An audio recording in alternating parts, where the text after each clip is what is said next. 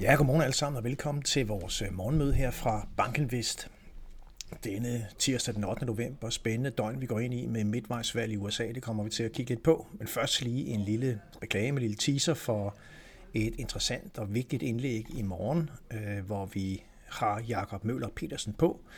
Jakob er chef for vores ESG-team, investeringsrisiko og selection, Øh, og øh, han vil sætte fokus på de nye afkastforventninger som jo er landet her for nogle dage tilbage, og hvad det har konsekvenser generelt for vores investeringsprodukter og branchens produkter som helhed. Så det vil være efter øh, min opdatering på markedet i morgen fra kl. 08.15, der kommer Jakob Møller Petersen altså med os. Ellers tilbage til markedet. Jamen altså, øh, i går en fin dag på aktiemarkederne. Vi har for anden dag træk en positiv lukning på amerikanske S&P 500 op med 1% cirka i, øh, i går. Og øh, det er jo rigtig godt at se, efter at vi ellers i sidste uge havde en del pres på, øh, på aktierne, i hvert fald frem til fredag, hvor vi så fik en, en pæn stigning. Og de her aktiekursstigninger, de, øh, de finder jo altså sted, øh, selvom vi sådan i stigende omfang ser et pres på indtjeningsforventninger, der begynder at materialisere sig.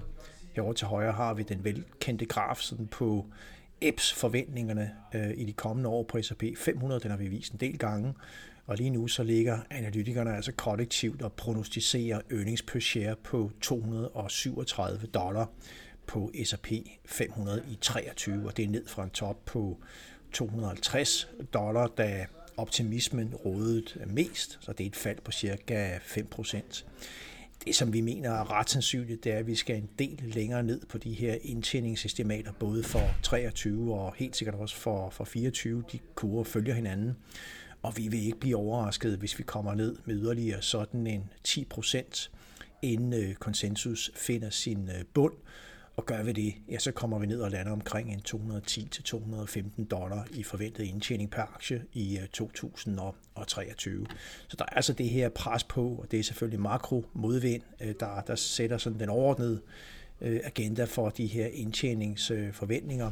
Og øh, det er altså sådan, øh, historisk i hvert fald, at der er sådan en vis, øh, Øh, og det er jo rationelt nok, en vis positiv sammenhæng mellem S&P 500 kursudviklingen og så indtjeningsforventningerne. Det kan man se på den figur, vi har med her på side 4.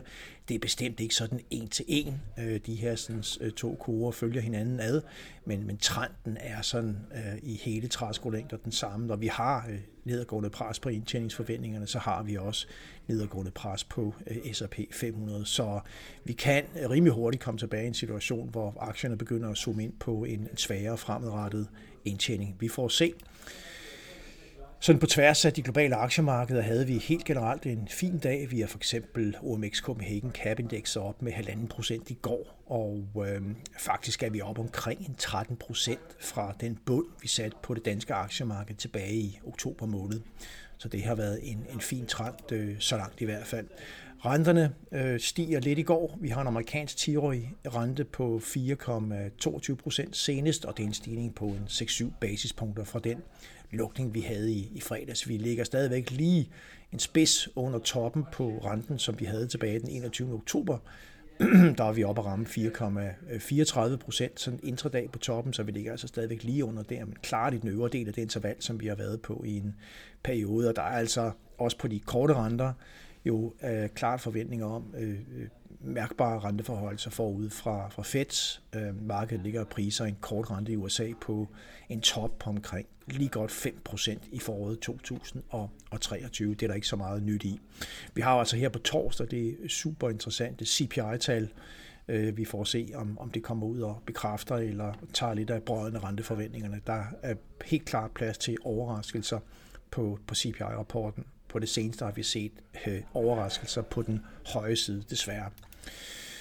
Men ellers så er det altså det kommende døgn, det handler om øh, midtvejsvalget til øh, kongressen i, i USA, og øh, sådan øh, de seneste sandsynligheder, i hvert fald hvis man kigger på Predict It, øh, som tager udgangspunkt i de øh, betting odds, øh, der ligger derude, og samler de tal ind og omregner det til nogle sandsynligheder, jamen, så er der altså øh, 89% sandsynlighed for, at republikanerne indtager kontrol med repræsentanternes hus, og der er senest 74% sandsynlighed for, at øh, republikanerne de indtager kontrol med senatet. Og øh, man kan jo sige, at hvor, hvor sandsynligheden for en øh, republikansk kontrol med, med huset har ligget ret højt øh, gennem 2022, dykket lidt i august-september, man er op igen på en meget høj sandsynlighed. Så er det jo ikke ret længe siden, at vi nemlig i august øh, i, ind i, i, i efteråret sådan var, var nede med en ret lav sandsynlighed for, at, at republikanerne også ville overtage kontrollen med, med senatet. Men den kurve er altså steget ganske betragteligt, i hvert fald baseret på predicted øh, data. Jeg synes dog også, det er interessant at se på 538, øh, en, en super spændende hjemmeside, som jeg kan anbefale, at man går ind og, og kigger på 538.com. Øhm, der er en masse øh, sådan tal og øh, sandsynligheder, statistikker osv., og, og en masse sådan interaktiv øh, grafik, som man kan lege med der. Øhm, de øh, scenarier for midtvejsvalgets udfald, når det gælder senatet, er, er noget mindre optimistiske på republikanernes vegne, end det vi så lige før. Øh, det er stadigvæk et flertal til republikanerne, som 538 øh, regner sig frem til i deres øh, statistiske modeller, men vi ligger med seneste 59 øh, scenarier ud af 100, hvor republikanerne vinder. Det er altså under de 74 procent, vi så før på Predicteds øh, prognose for republikanernes sejr i, i senatet. Og altså bare i går, der jeg var inde og kigge på hjemmesiden her på 538, der var vi nede på 54 øh, procent sandsynlighed, så senest sted til 59. Men det er altså, vi må sige, at det er langt fra givet, at øh, republikanerne de går ind og tager øh, senatet. Øh, til gengæld ser det virkelig ud til at være givet, at øh, de tager øh, repræsentanternes hus, også i 538's øh.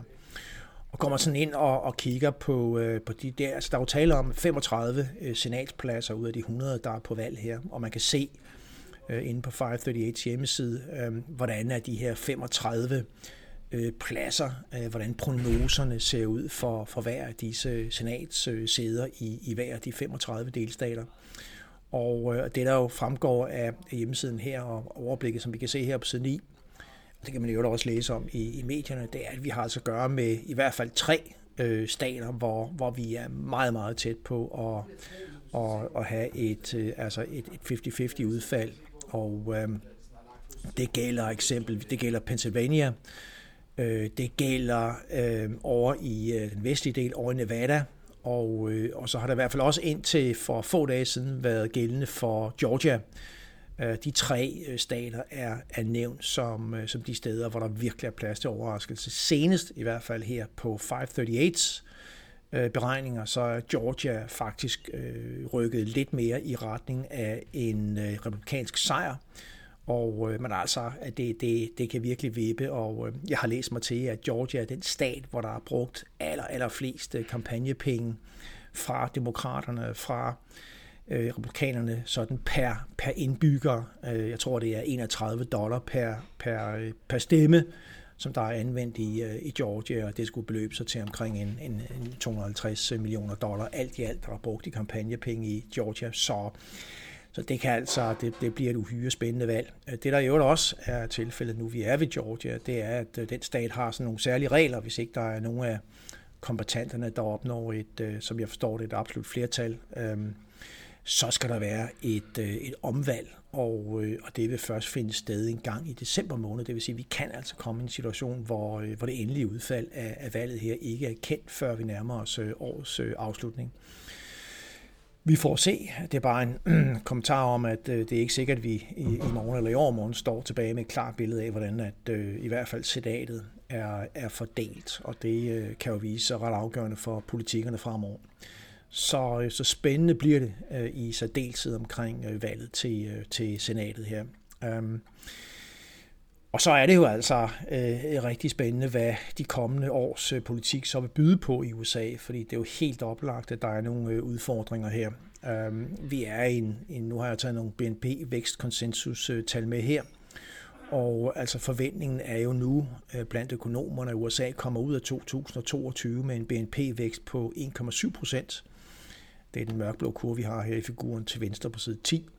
Øh, og det er jo for så vidt øh, pænt nok, øh, men altså lige nu så ligger prognoserne blandt økonomerne til en BNP-vækst på bare 0,4 procent i øh, 2023, og det er vel at mærke sådan en, en pænt faldende kurve, klart faldende kurve, som vi har været vidne til Og øh, der er jo stadig flere og flere, der, der regner med, at USA øh, faktisk ender med at, at se en økonomisk tilbagegang, altså en, en egentlig recession. Hvor dyben så bliver, det står uklart, men øh, det er i hvert fald i stigende grad sandsynligt, at vi kommer til at se røde tal på BNP-væksten i, øh, igennem 2023, hvor vi sådan til fulde kommer til at mærke effekten af de øh, stigende renter øh, og de høje inflationsrater, som, som, som vi er vidne til øh, aktuelt. Så USA har jo en, i hvert fald en, en ja, for så vidt både en cyklisk økonomisk udfordring og bestemt også en, en sådan mere øh, strukturel øh, økonomisk udfordring. Så der skal jo tages nogle politiske initiativer ud i fremtiden, men det kommer nok ikke til at finde sted de kommende par år, fordi altså hvis vi øh, får, øh, og nu er jeg på side 11 her, hvis vi får et, et, øh, altså et, et enten et, et, øh, et, et splittet kongres eller en, en republikansk øh, domineret kongres, altså med flertal både i repræsentanternes hus og i senatet, så er der nok udsigt til meget, meget få sådan øh, økonomisk-politiske tiltag herunder, sådan skattepolitiske tiltag og i øvrigt også reguleringer af big tech healthcare, som, som der er øh, talt øh, meget om i de, i de senere år.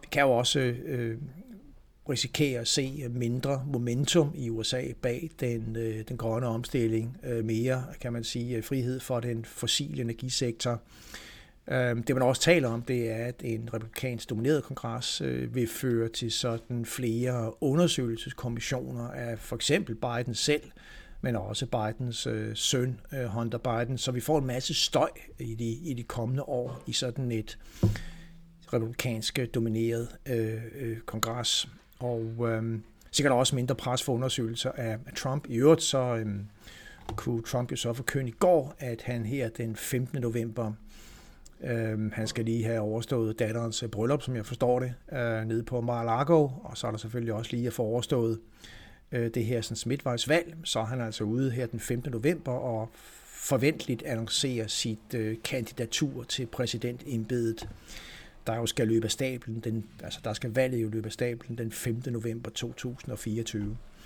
Uh, øh, vi kommer til at se et USA med, med stadigvæk rigtig meget fokus øh, på, på udenrigspolitikken og de konflikter, der er. Øh, Biden, præsidenten, kan, har, har i større grad frie hænder til at køre udenrigspolitik.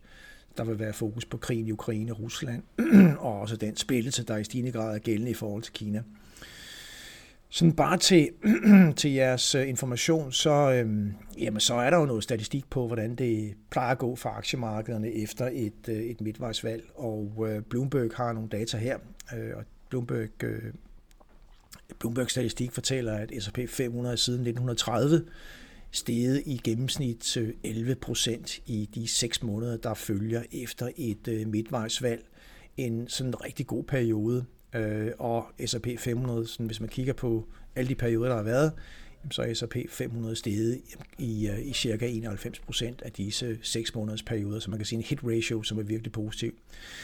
Goldman Sachs har også nogle data, de har været inde at se på øh, den samlede så den fireårige periode efter et præsidentvalg, og øh, Goldman de, øh, de, øh, de har data, der viser, at, øh, at i det tredje år efter et præsidentvalg, altså efter midtvejsvalget også, øh, det vil være til næste år, jamen så er S&P 500 øh, i gennemsnit steget øh, 17 øh, siden 1932, og der har været 22 øh, øh, perioder og øh, 22 år, øhm, og S&P 500 er i 21 ud af de øh, 22 år. Den eneste, det eneste år, hvor S&P 500 ikke steg, som jeg forstår det, det var lige i kølvandet på 2. verdenskrig. Så der har været en temmelig sådan positiv udvikling på aktiemarkedet i form af S&P 500 efter et øh, midtvejsvalg, om man så måler det på en 6 måneders periode, eller man måler det i året efter midtvejsvalget. Og øh, Goldman kan så jo også fortælle, at, at aktierne har det med at stige øh, 2-3% mere i de år, hvor man står med en splittet kongres, altså hvor der virkelig er en handlingslammelse omkring øh, politikker generelt relativt til en kongres, hvor et af partierne kontrollerer øh, begge, øh, begge kammer. Så, så vidt så godt, at det er klart, at man skal jo nok passe lidt på med at bare overføre disse historiske statistikker, øh, hvor positivt de end er, til, øh, til, til dagens situation. Øh, det er øh, en, altså flere og flere taler om, at vi er i, i en tid med polikriser, med flere kriser, og det er selvfølgelig trist, men det refererer til, at vi har en klar geopolitisk krise, vi har en ekstraordinær krig, øh, vi har en inflationskrise, vi har en energikrise, og vi har også stadigvæk en sundhedskrise i form af covid-19, der, der kører senest med nogle nedlukninger. Jo, der bliver vi med at fortsætte selektivt i Kina. Så vi får se, om aktierne kan gøre det lige så godt. Det vil jo være rigtig, rigtig bekvemt, hvis det er tilfældet, men selvfølgelig må man nok forholde sig lidt kritisk i forhold til det. Her til morgen, der er øh, Ja, der er lidt varierende signaler på, på markederne. Vi er ned på øh, S&P 500 Futures med 0,2 procent. Vi har stigninger i Japan, lidt ned i Kina, som jo ellers har gjort det godt på det seneste. Renten i USA ligger på ligger på 4,22 procent. Øh, et spørgsmål her, øh, hvad vurderer I det amerikanske valg kan betyde for aktiemarkedet? Altså, øh, vi kunne selvfølgelig håbe, at de statistikker, jeg refererede til før, vil gøre sig gældende igen over de næste 6 måneder, jævnfør Bloombergs beregninger om, at aktierne er i snit steget 11 procent overnormale stigninger i perioden efter et midtvejsvalg. Øhm, det, der selvfølgelig er nedsiden her, det er, at øh, hvis USA, som som vi finder overvejende sandsynligt, hvis USA går ind i en mere sådan tydelig økonomisk nedgang, øh, særligt i første halvår øh, 23, så er der jo ikke, der er ikke politisk øh, øh, mulighed for at øh, støtte økonomien på nogen måde. Øh, det er selvfølgelig altid ikke svært at gå ud og bruge en ekspansiv finanspolitik for at støtte op under økonomien, men det er i hvert fald øh, Øhm, øhm, en, en, en mulighed, som er, som er frataget af kongressen, der, kan, der vil på ingen måde kunne opnås enighed om sådan større økonomiske, politiske, finanspolitiske tiltag. Øhm, og, øh, og det er jo isoleret set en, en, en, en dårlig ting for, øh, for aktiemarkedet, kan man sige. Så ordnet set, så, så, er, det, så er det vores vurdering, at, at, at valget her ikke får sådan den større direkte betydning for, øh, for aktiemarkedet. Til gengæld så, så mener her, at det bliver altså præsidentvalget i november 24. Jeg ved, der er lang tid til. Men det bliver altså meget, meget spændende. Altså forestiller man sig et comeback til Trump eksempelvis, eller en, en Trump-klon, øh, der måtte dukke op.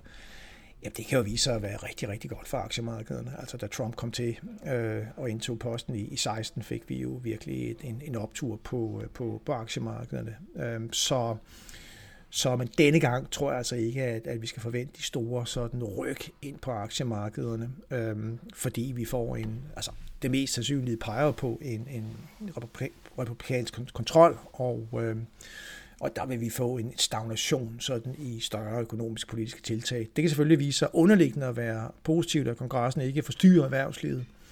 Men det betyder også, at de ordnede temaer, øh, der virkelig er presset aktier i år, det kører videre, nemlig høj inflation, øh, stigende renter, vi er jo ikke færdige med at renteforhold for Fed, og et sådan voksende øh, økonomisk pres og pres på, på indtjeningen. Så vi er, lad mig bare sige det, altså vi er, vi er skeptiske på de aktiekursstigninger, som vi har været vidne til, og, og vi ikke bliver overrasket, hvis aktierne skal ned og sætte en, en ny bund ind i, i starten af, af, af 23. Men man tror så også, at jo længere ud vi kommer i 23, jo mere, øh, jo mere bund, jo mere øh, øh, holdbar optur øh, vil der være udsigt til for, for aktiemarkederne med udgangspunkt i forventninger om et, et økonomisk comeback i, i 24-25, mere ro på renterne, mere tydelige tegn på, at inflationen vil være på vej ned.